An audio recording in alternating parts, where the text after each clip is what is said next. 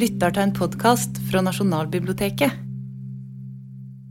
La meg da starte med forhistorien til besøket. Men før forhistorien igjen, så skal vi bare si noe om en solformørkelse som skjedde i mai 1919.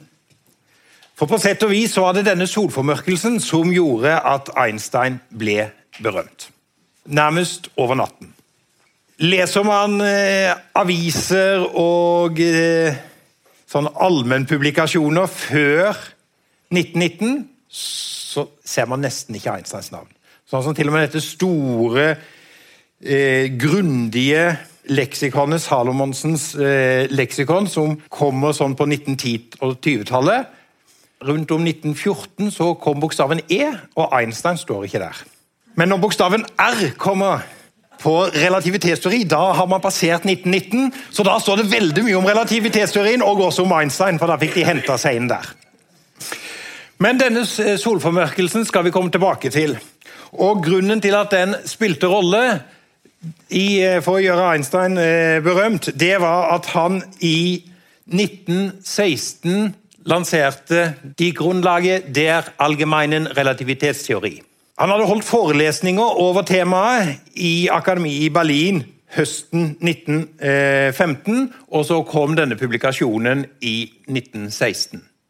I 1905 så hadde han jo lansert sin spesielle relativitetsteori, men nå var det en mye mer omfattende teori og mye mer matematisk teori, og ikke minst mye vanskeligere tilgjengelig.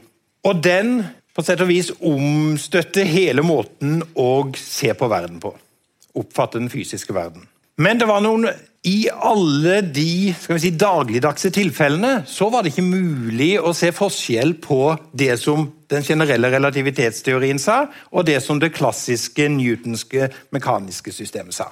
Så du måtte til noen litt sære situasjoner for å kunne se at de eh, skilte seg fra hverandre. Den gamle newtonske og den nye einsteinske fysikken. Og da var, hadde man identifisert tre sånne punkter hvor det var mulig å eh, se forskjell. Den ene det var at eh, planeten Merkur den går jo i en ellipsebane rundt sola. og Aksen til den banen den dreier seg ørlite. Veldig, veldig lite. 43 buesekunder per århundre. Og altså, En grad er jo en 360. del av en sirkel. En grad kan du dele opp i 60 bueminutter, og etter de bueminuttene kan du så dele opp igjen i 60 buesekunder. Så det at ett buesekund er jo veldig lite, eh, og her var det snakk om 43 buesekunder per århundre som den dreide da. Men astronomer de var flinke til å måle, så de hadde allerede målt at det var en uh, dreining. Og det vil si at det punktet det var man ikke så fornøyd med at Einsteins teori passet på det, for det, at det å lage en teori som stemte til det man allerede visste og Da var man ikke så overbevist om at den faktisk var skal vi kalle det korrekt, da, selv om det blir jo en korrekt i gåseøyne. Men derimot så eh, kunne man se etter en annen ting, nemlig at lys som passerte et område med en masse, ville bli påvirket og bøye seg. Men da måtte du ha en veldig stor masse, og da var sola en god kandidat. Der hadde du en stor masse, og hvis lyset fra en stjerne passerte tett ved sola, så ville lyset passere en veldig stor masse, og lysbanen ville bli avbøyd. Problemet er jo at du vanligvis ikke ser lyset fra en stjerne som passerer rett ved sola, for der er det jo mye lysere fra sola. Men da er det den solformørkelsen kommer til nytte. For da er sollyset skjermet bort, og så kan man se stjernehimmelen som er da tett innpå sola. Og Den tredje man så, det var at lys i et gravitasjonsfelt det endra frekvens, men det var enda vanskeligere å måle. Så det, at det man da satset på, det var å prøve å finne en sånn eh, solformørkelse. Og dette det var det da man eh, håpet å se når man i mai 1919 sendte ut en, eh, to ekspedisjoner. Sendte engelske eller britiske eh, astronomer til Sør-Amerika og prinsipp utenfor øya utenfor Afrika. Og så tok de da bilder av stjernehimmelen under solformørkelsen, og så om den posisjonen som de da så, var forskjellig fra den de, posisjonen de visste stjernen skulle stå på. Også i Norge så altså får avisene helsider med dette resultatet. Uh, og Der er det det samme. Den uh, virkelige plassen og stjernens tilsynelatende plass. Også her med, da, med sola, og jo nærmere sola du er, jo større blir da forskjellen på den eh, virkelige plassen og den tilsynelatende plassen. Einstein var med ett blitt et verdensnavn. Og fra å ikke være omtalt, omtrent, så får han nå førstesida ene alene i Illustrerte Zeitung. Eh, og Det kan jo virke noe underlig. Dette er altså en teori som er så eksotisk at vi oppdager den ikke i hverdagen. Den er så vanskelig tilgjengelig at folk vel vanskelig har tilgang og forstår den. Allikevel så blir han med ett verdensberømt. Men før jeg går videre, så tenkte jeg nå at vi skulle se litt på tiden før dette, og tiden som dette skjer i, for å forstå hvorfor han reiser til Norge, og hvorfor Norge blir da et av de første, kanskje det første, hvis vi velger definisjonen vår riktig, hvor han presenterer eh, sin eh, teori. 1914, første verdenskrig. Det er jo verdt å merke seg at eh, Einsteins teori blir lansert under første verdenskrig. Da er forbindelseslinjene i Europa i stor grad brutt. Og I Tyskland så føler de det urettferdig at de får skylden for å være den store aggressor, de som har stor skyld i krigen.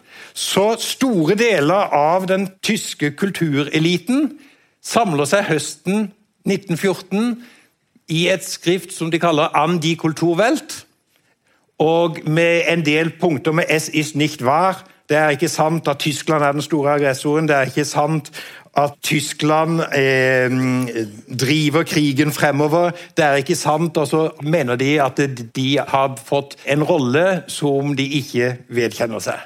Det er flere tusen som undertegner på, på dette oppropet. og Her finner vi bl.a. Eh, store fysikere som eh, Nernst, Max Planck, eh, Røntgen Wilhelm Wien.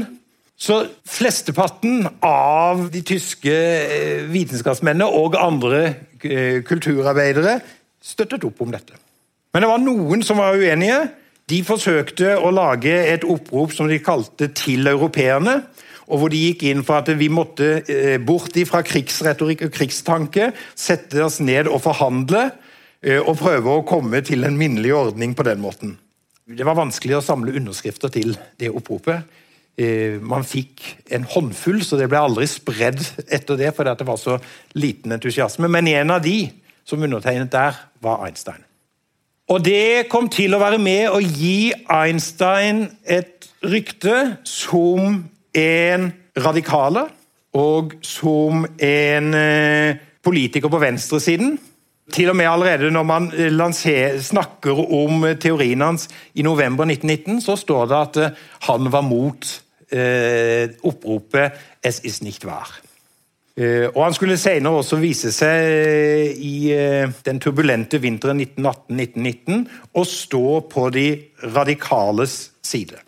Vi skal raskt over til de norske forholdene og se på den kretsen av mennesker som er med på å få Einstein til å besøke landet. Først skal jeg si noen ord om Ole Kolbjørnsen. Født i 1897, begynte å studere ved universitetet høsten 1915. Han er fra Vegårshei og at, og oppvokst i Risør. Derfor er det nok en av grunnene til at han blir plukka opp ganske tidlig og blir assistent hos fysikeren Lars Vegard. Vegard er også fra Vegårshei, og to av hans brødre bor i Risør. Og var bl.a. med på å støtte Kolbjørnsen, sånn at han fikk midler til å studere. I eh, høsten 1916 så flytta han inn i observatoriebygningen, altså rett her nede, og gir der bl.a. publikum omvisninger i observatoriet. Samtidig som han også er med Carl Størmer og eh, hjelper til med nordlysfotografering. Eh, Men viktigere enn det er at han er en eh, ung fysiker under påvirkning av Vegard som er opptatt av de helt moderne tankene i fysikken. Så i mars 1918, altså to år etter relativitetsteorien til Einstein kom, og det er midt under første verdenskrig, så forbindelseslinjene er ikke all verdens, men da har han lest såpass med av relativitetsteorien, den generelle relativitetsteorien, at han holder et foredrag i det som heter Fysisk selskap. Som er en sammenslutning av fysikere ved universitetet og fysikere eh, i det private og offentlige liv ellers. Han sier selv at eh, han eh, i foredraget jo ikke kan gå inn i et sånt forum på de matematiske sidene, for det blir for mye å gjøre. Men han har tydelig satt seg inn i den. Han har stor tro på den, bl.a. pga. dette med at den har dreiningen til Merkurbanen i seg. Og Så viser han noen av tingene som kan utledes fra denne. Det er høyst sannsynlig det første foredraget om generell relativitetsteori som holdes her i landet. Han gjentar foredraget et års tid senere, i mai 1919, i Norsk matematisk forening. Dette var en teori som i stor grad også var like mye matematisk som fysisk for mange.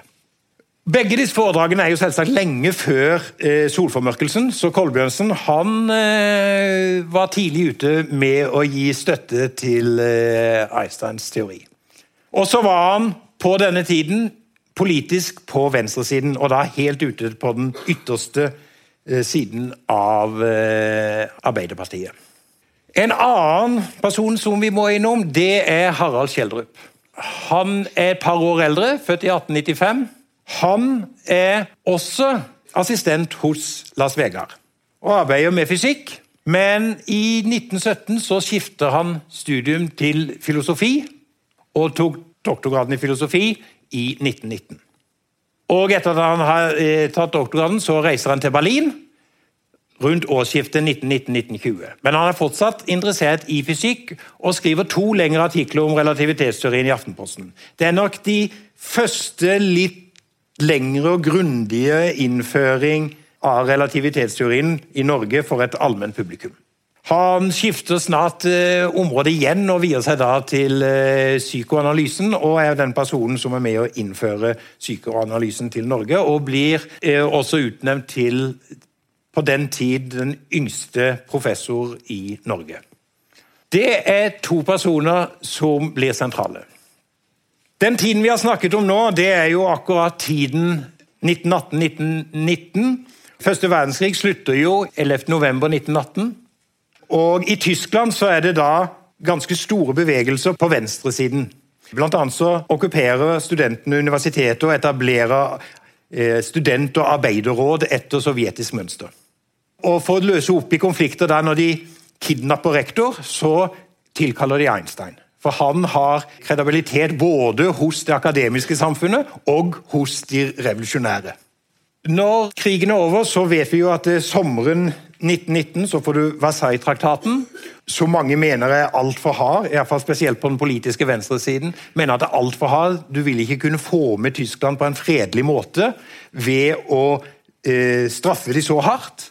Og mange vil heller ha Tyskland med å bygge opp de kreftene som var mot krigen, og la de få styringen. Eh, men stemningen er ikke noe særlig for det, og eh, det er vel da som Anulf Øverland eh, skriver på sin sånn beske måte Retten har seiret. Et folk er sultet ut og slaktet ned.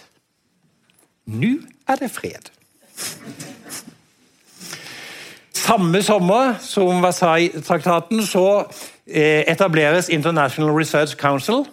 og Det er seierherrene fra første verdenskrig pluss de som støttet seierherrene, som er med. Og De definerer at det ikke skal være lov å invitere tyske, østerrikske og italienske vitenskapsmenn til vitenskapelige konferanser. Nøytrale land som Nederland, Danmark og Norge får ikke være med, fordi at de er redde for at de vil ivre for å ta inn eh, trippelallianselandene. Så det er stemningen i Europa sånn 1919. Så til Studentersamfunnet. For det er Studentersamfunnet som det skal vise seg er de som inviterer Einstein til Norge. Og Studentersamfunnet får høsten 1919 en invitasjon til å være med i noe som blir kalt en internasjonalt alliert og nøytral studenterkonferanse i Strasbourg. Men Tyskland og Russland er ikke invitert. I styret er det mange som synes at man skal sende delegater dit. Ole Kolbjørnsen var med i det styret, men han var en av dem som var sterkest mot norsk deltakelse. Så lenge som Tyskland og Russland ikke var invitert, så burde ikke Norge heller delta. Og Dette førte til voldsomme eh, debatter i studentersamfunnet. Og etter noe tid så trekker det sittende styret seg og stiller sine plasser til disposisjon. Og Da kommer det inn et nytt styre. Også her er Ole Kolbjørnsen med. Men andre som vi kan ta med og uh, merke oss, er Paul Gjesdal, som er formann, og Jonas Ganke Jonassen. De blir altså styret for som sitter når bekreftelsen av Einsteins relativitetsteori kommer. Så velges det nytt styre for våren 1920. Her ser vi igjen noen av de samme. Paul Gjesdal er der, og eh, Ole Kolbjørnsen er nå varaformann, mens Gjesdal er formann. Jeg skal også legge merke til to personer til her. Det er Jørgen Vogt og det er Klaus Hansen. Og Grunnen til at jeg merker ut noen, det er jo fordi de skal vi møte igjen senere. Dette skjer mens nyheten eh, om eh, resultatene fra solformørkelsen offentliggjøres. Og I Aftenposten 17.11.1919 så sier professor Schrøter dette i høyeste grad overraskende resultat må naturligvis undersøkes ved fremtidige solformørkelser. Han var så overrasket over eh, det. Virker som han ikke var veldig overbevist. Mens i eh, Morgenbladet så uttaler de at eh, resultatene har bekreftet den revolusjonerende teori angående forholdene i verdensrommet som nobelpristakeren professor Einstein har oppstilt. Da er de veldig tidlig ute. De, de er så euforiske over dette at de har tillagt henne en nobelpris som han ennå ikke har fått det er det flere som skal gjøre eh, senere også, men i hvert fall så ser vi at dette kommer i avisene med en gang. Og i Norske vitenskapsakademi så på møtet 21.1.1920 så fremlegger da Wilhelm Bjerknes resultatene som er fremkommet fra denne, disse britiske astronomene.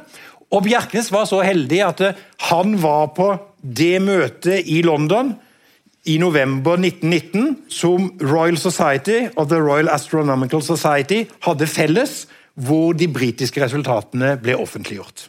Der var Bjerkne til stede og observerte debatten. Det var på sett og vis Der hang Newton på den ene siden og så ned på forsamlingen, som nå skulle forkaste hans teori til fordel for eh, tyskeren Einstein sine. Og Det var en rivende debatt, og eh, noen var så uenige at dette var på ingen måte godt nok til å forkaste Newton og eh, ta inn Einstein. Så deler av salen reiste seg gikk i protest når det ble klart at man gikk inn for å godkjenne resultatene som gyldige. Og Der var også Bjerknes. Og På møtet i Akademiet i januar 1920 så sier eh, Bjerknes at Einsteins teori er i sin karakter så forskjellig fra alle fysiske teorier at det er vanskelig for en fysiker av den gamle skole å ta standpunkt til den. Så han sier nok en del av det som de nok mange i London også da hadde følt. Samtidig som dette skjer, så reiser da Jonas Ganke Jonassen, som vi husker fra Studentersamfunnets styre høsten 1920 han reiser til Tyskland. Han er ingen realist, og han studerer ikke fysikk. Han skal studere tysk og litteraturvitenskap. Men som alle intellektuelle på den tiden, så er de jo opptatt av Einsteins relativitetsteori. Så Skanke Jonassen, mens han er i Berlin, han går og hører på Einstein som foreleser over sin nye teori. Det gjør også Harald Schjelderup, som er der. Så de kjenner jo hverandre fra Oslo. Og nå har vi altså Settingen våren 1920 den røde, radikale Einstein med sin nye teori, kjendisen, et studentersamfunn i Oslo som også klart eh, mange med sympatier på politiske venstresiden, med nestformann Ole Kolbjørnsen, som har holdt foredrag om relativitetsteorien så tidlig som 1918. To sentrale studenter i Tyskland, i Berlin, Skanke Jonassen og Kjeldrup. Og legg merke til, Norge boikotter ikke Tyskland vitenskapelig. her reiser man jo altså ned. Og Det gjør at studentersamfunnet bestemmer seg for at de vil invitere Einstein til Norge. I Berlin så reiste Skanke Jonassen og Harald Schjelderup ut av Einsteins hjem 8.3.1920 for å invitere ham. Men Einstein var ikke hjemme, så de kom øyensynlig uanmeldt og bare banker på døra.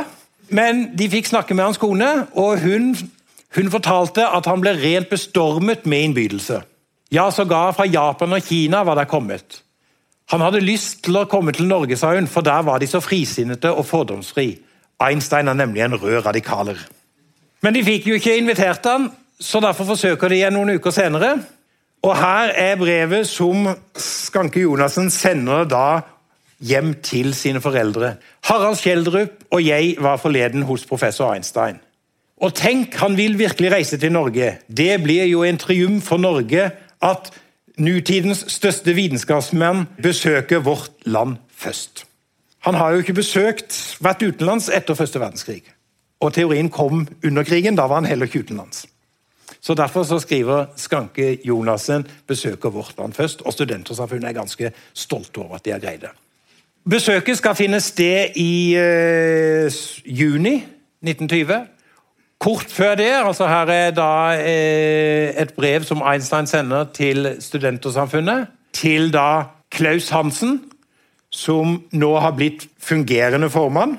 Så skriver han at han tar med seg sin stedatter Ilse, men for at de ikke skal ha noen høyere utgifter, så ber han de bestille billetter på andre klasse og overnatting på et ganske enkelt hotell.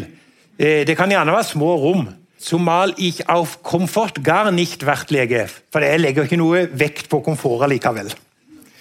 Så Han tar med seg henne som sekretær, kanskje også for at hun skal få etter mange år med krig, skal få et pusterom og litt eh, andre inntrykk enn det krigsherjede Tyskland. Så ankommer de eh, Østbanen søndag 13. juni. Noe av det første som Einstein sier når han kommer, det er at han uttaler sin glede over å ha fått innbydelse av studentene til å besøke Kristiania og lære ungdommen i et nøytralt land at kjenne. Så det er klart at det, her går det vel frem at Mye av motivasjonen for at han velger Norge, det er fordi vi er nøytrale, og pga. at vi kan Han ser på det som en måte å få Tyskland å knytte kontakter til utenomverdenen. For det var ikke så mange land som var villige til det på den tiden. Så er det da klart for foredragsseriene. Han skal holde tre foredrag i Kristiania. For et allment publikum. Det er i Universitetets aula. Man kan kjøpe billetter. De koster to kroner stykk. Eller 3,50 eller 5 kroner. Alt etter hvor i salen man eh, blir sittende. Det er ganske mye penger i 1920. Det er litt vanskelig å si sånn, men en arbeider en timelønn over på mellom 1 og 2 kroner. Eller man kan kjøpe seriebilletter, altså billetter til alle tre foredragene. Fem, ni eller tolv kroner. Den som introduserer Einstein, er jo kanskje naturlig nok Lars Vegard. Han står i en sånn slags midtstilling mellom den eldre gade, som er ganske skeptiske til denne nye teorien, og de aller yngste studentene. Han er akkurat like gammel som Einstein. Han sier da når han introduserer Einstein at det er symbolsk at det nettopp er ungdommen som har kalt den nye banebrytende lærde til Norge. De eldre har vanskelig ved å forlate sin forestillingskrets. Hvor han sjøl står i det, det sier han ingenting om. Så er det hva Einstein snakker om. Han snakker altså i Universitetet Saula. Det er ikke noe audiovisuelle hjelpemidler. Han snakker på tysk, og salen er ganske full. Så får vi bare håpe at de hører hva han sier, og at de forstår nok tysk til, uh, til å få med seg hva han sier, og at han er tydelig nok i formuleringene sine. Men han var ganske god til å popularisere. Så det Han snakker om, han begynner å snakke om den spesielle relativitetsteorien, og om lysets bevegelse, og at rom og tid alltid må relateres til et referanselegeme eller referansesystem.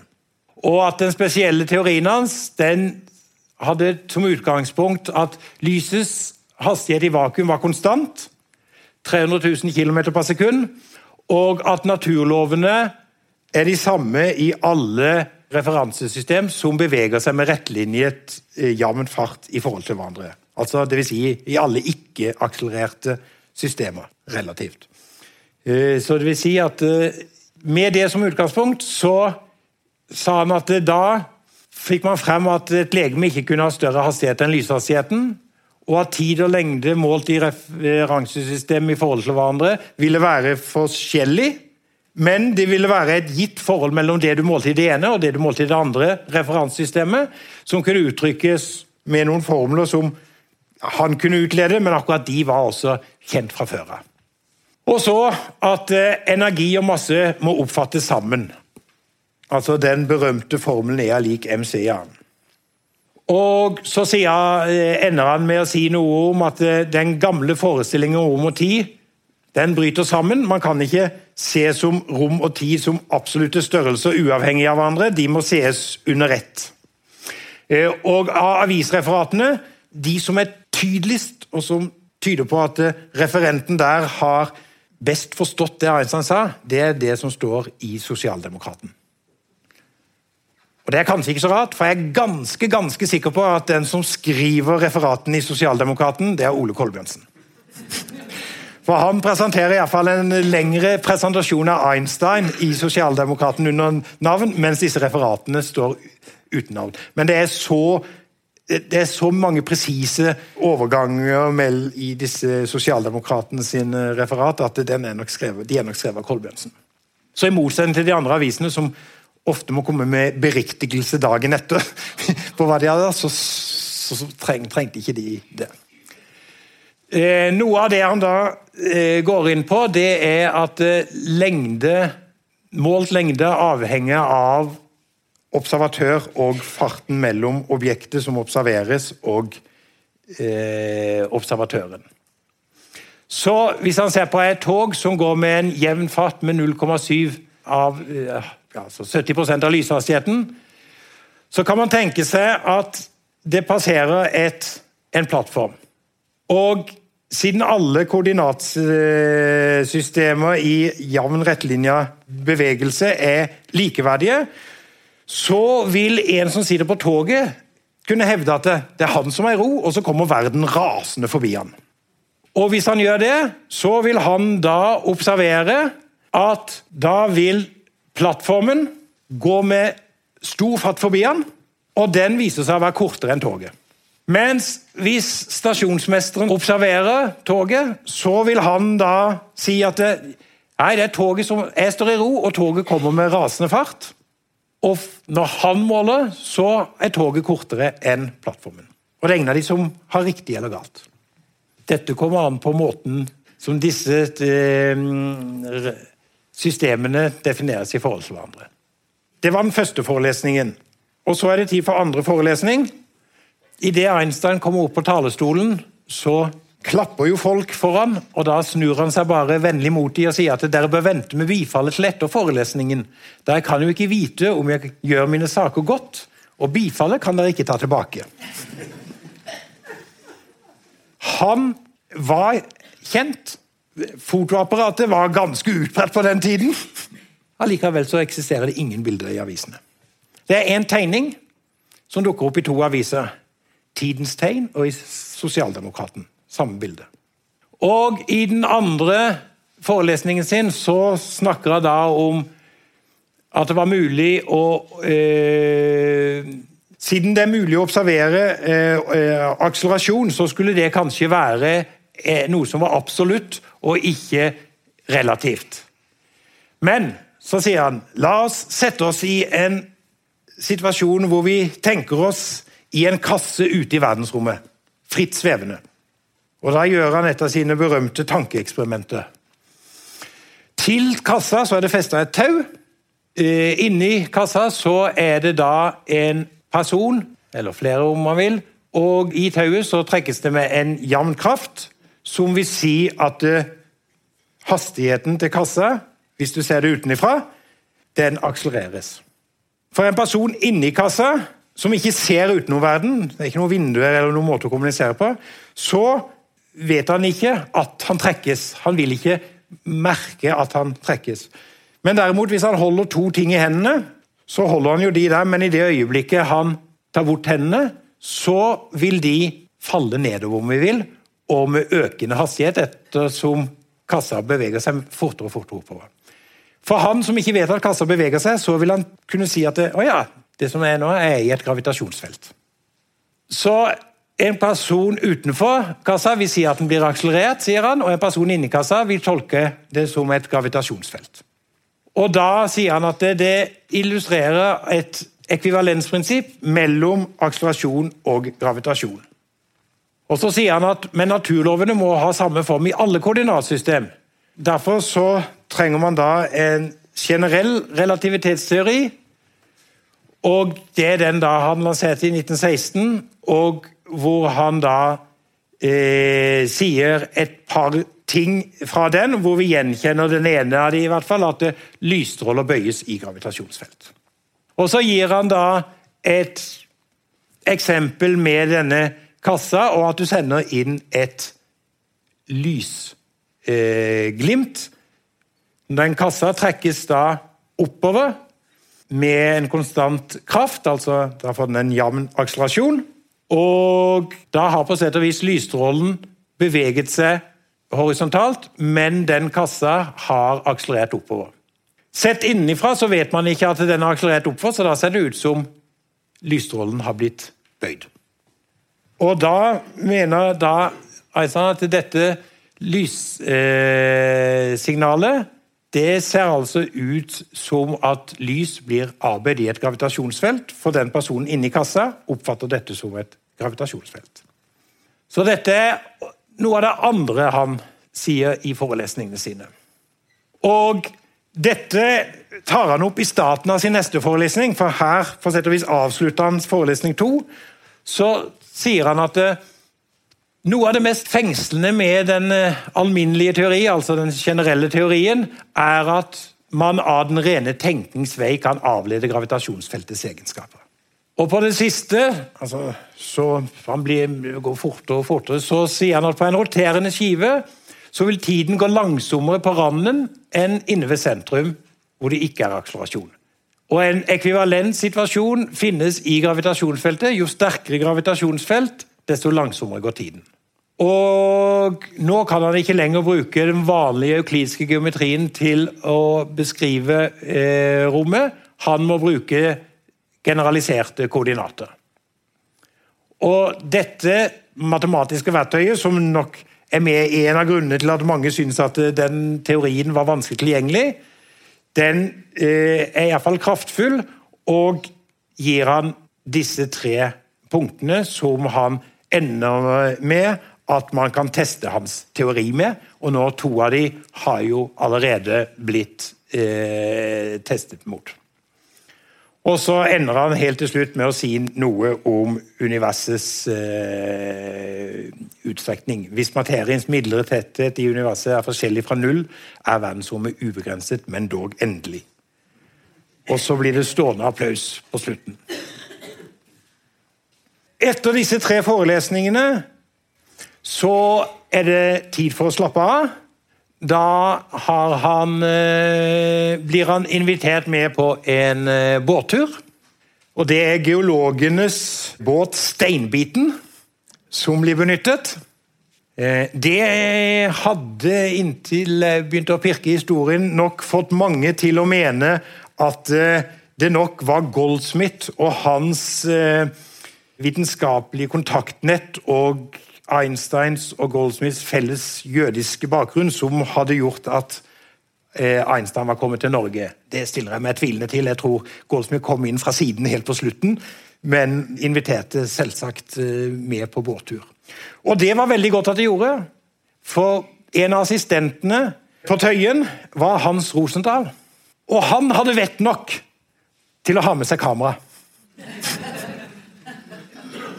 Så Derfor ble det tatt noen bilder på båtturen. Bortsett fra det så var han nok hjemme også hos Gullberg Der skal det ha eksistert et fotografi som hang på en vegg i det gullbergske huset bak eh, som heter Spess, og som lå, ligger bak Vigelandsparken. Men det er dessverre forsvunnet. Men de som er vokst opp der, husker at det var et bilde av Einstein som satt på trappa der. Eh, kanskje noen kan hjelpe med å finne frem det? Jeg har vært og gått gjennom hele huset fra kjeller til loft uten å finne det. Og så var han selvsagt på sightseeingtur ellers. Paul Gjesdal forteller i en av sine senere eh, bøker om at de tok T-banen til Frognerseteren, eh, og at han var vilt begeistret for utsikten. Ja, nå har jeg sagt at han var først i Norge, og det er nesten riktig. Eh, I mai så hadde han vært en tur i Nederland. Einsteins økonomiske situasjon var vanskelig. Eh, han var jo skilt fra sin eh, første kone og skulle betale bidrag til henne og barna. De bodde i Sveits. Og skulle betale bidrag i sveitsisk valuta med en tysk valuta som var i fritt fall. Det var ikke lett. Så de måtte inngå noen sånn reforhandlinger av den avtalen. Det er før Einstein kom til, til Norge men det er etter at relativitetsteorien har blitt bekreftet. Og Der er de også da så frimodige at de skriver inn pengene fra en fremtidig nobelpris. Så at han skal Han greier ikke å, å betale de nå, eh, så mye penger, men hvis hun kan godta et mindre beløp nå, så vil hun bli tilgodesett når pengene fra en nobelpris senere kommer. Så da var de så sikre på det at det ville komme. Men det viser han var i fryktelig økonomiske vanskeligheter, som de fleste tyskere var. Og Derfor så hadde man i Nederland, i Leiden, hadde man kommet på ideen at det, kanskje du vil bli gjesteprofessor hos oss, så kan du få en eh, gasje i nederlandsk valuta. Så Derfor var han over i Nederland i mai 1920 og skulle holde da sin eh, tale der, i forbindelse med at han ble gjesteprofessor. Hadde laget manuskript til den. Det det, den skulle da utgis, var det bestemt. Han gjorde det i Tyskland, for der ble det billigere å trykke den enn om han skulle gjøre det i Nederland. Så han hadde den med seg under armen når han kommer til Nederland. Men så er det det at eh, når han kommer dit, så blir det komplikasjoner. Fordi at eh, Vel er han berømt, men eh, han er kanskje ikke nok berømt allikevel. Fordi at en av de sterkeste, mest revolusjonære tyskerne heter også Einstein. Og I Nederland var man redde for at det var denne Einstein man holdt på å kreere til å utnevne til, til gjesteprofessor der. Så dermed så får de ikke godkjennelse fra departementet. Det stokker seg der. Så selv om talen med dato og alt foreligger, så ble den faktisk ikke holdt der, selv om det er mange som, rundt om som skriver det. Den blir først holdt ut på høsten når det har gått i orden og man har greid å sortert ut hvilken Einstein det var man egentlig ville ha som, som professor. Men han holdt allikevel for en engere krets mennesker der, så holdt han et foredrag når han var der. Men Oslo og Norge er altså det første stedet hvor han holder litt større offentlige forelesninger. Så det var et skup selvsagt at studentene hadde fått uh, han hit. Og det er det jo flere andre som da prøver å Ops, nå er han jo på farten. Så det at I Danmark så kaster de seg rundt når de får vite om dette, og spør om han ikke kunne besøke Danmark på vei hjem. Og det er ikke fysikerne som spør. Det er astronomene. Det er mm, Eli Strømgren på Astronomiske observatoriet der. Det er han som spør om å har vi kommet. Og det sier han at han godt han kan gjøre. Så her er et brev som Einstein skriver fra mens han er i, eh, i Oslo. Kristiania. Sehr geehrte herr kollega. Eh, og så er det da at han, farer, altså han reiser tirsdag 22. juni med båt til København. Så dit kommer han og holder også foredrag for astronomene der. Eh, det er også en av de tingene som da har blitt eh, sagt litt sånn feilaktig tidligere. at det, ja, Grunnen til at han kom til Norge, det var nok fordi at han egentlig skulle til Danmark. Og det var nok for å besøke Bor. Men det er heller ikke riktig. Han kom til Norge fordi at de hadde eh, invitert ham, og han falt antagelig for disse pur unge, modige studentene fra et nøytralt land. Og han ville få anledning til å komme dit. Og så kaster danskene seg på, og så prøver Hamburg etterpå å få han til Hamburg når han et, etterpå skal eh, hjem. Så kommer han hjem, og dermed er reisa avslutta. Det er bare et bitte lite, en sånn liten epilog her i Akademisk revy. Jørgen Vogt har jo da fått han til å skrive et innlegg i Akademisk revy når han kom hjem. Gryse an die norwegischen studenten. Og Her står bl.a.: Det er en stor glede at dere har opptatt meg i deres muntre krets, hvor jeg følte meg ganske som hjemme. Ved siden av upersonlige og rent saklige forbindelser som forener alle land, trengs ektefølende, frie mennesker med et klart blikk og god vilje. Dere er slike mennesker, og det er å håpe at dere som studenter i et nøytralt land kan bringe verdifulle bidrag til helbredelsen av den europeiske psyken. Og så er det vel et eller annet som jeg ikke eh, Mitt den besten Wünschen für das eh, Gedeihen der norwegischen Studentenschaft und Forschung. Som er de beste eh, hilsener til de eh, norske studentene og eh, forskningen. Så det var, det var jo ikke noe stort fysikermiljø i Norge, så det var nok ikke derfor han reiste hit. Det første han sier når han kommer, det er at han er glad for å få invitasjonen til for å besøke studentene i et nøytralt land. Det siste han skriver til dem, er at han håper at de som studenter i et nøytralt land kan bringe verdifulle bidrag til helbredelsen av den europeiske psyken. Så det er vel i den konteksten eh, som vi må se Einsteins besøk i Norge 1920. Da tror jeg min time var gått, så da sier jeg takk for oppmerksomheten.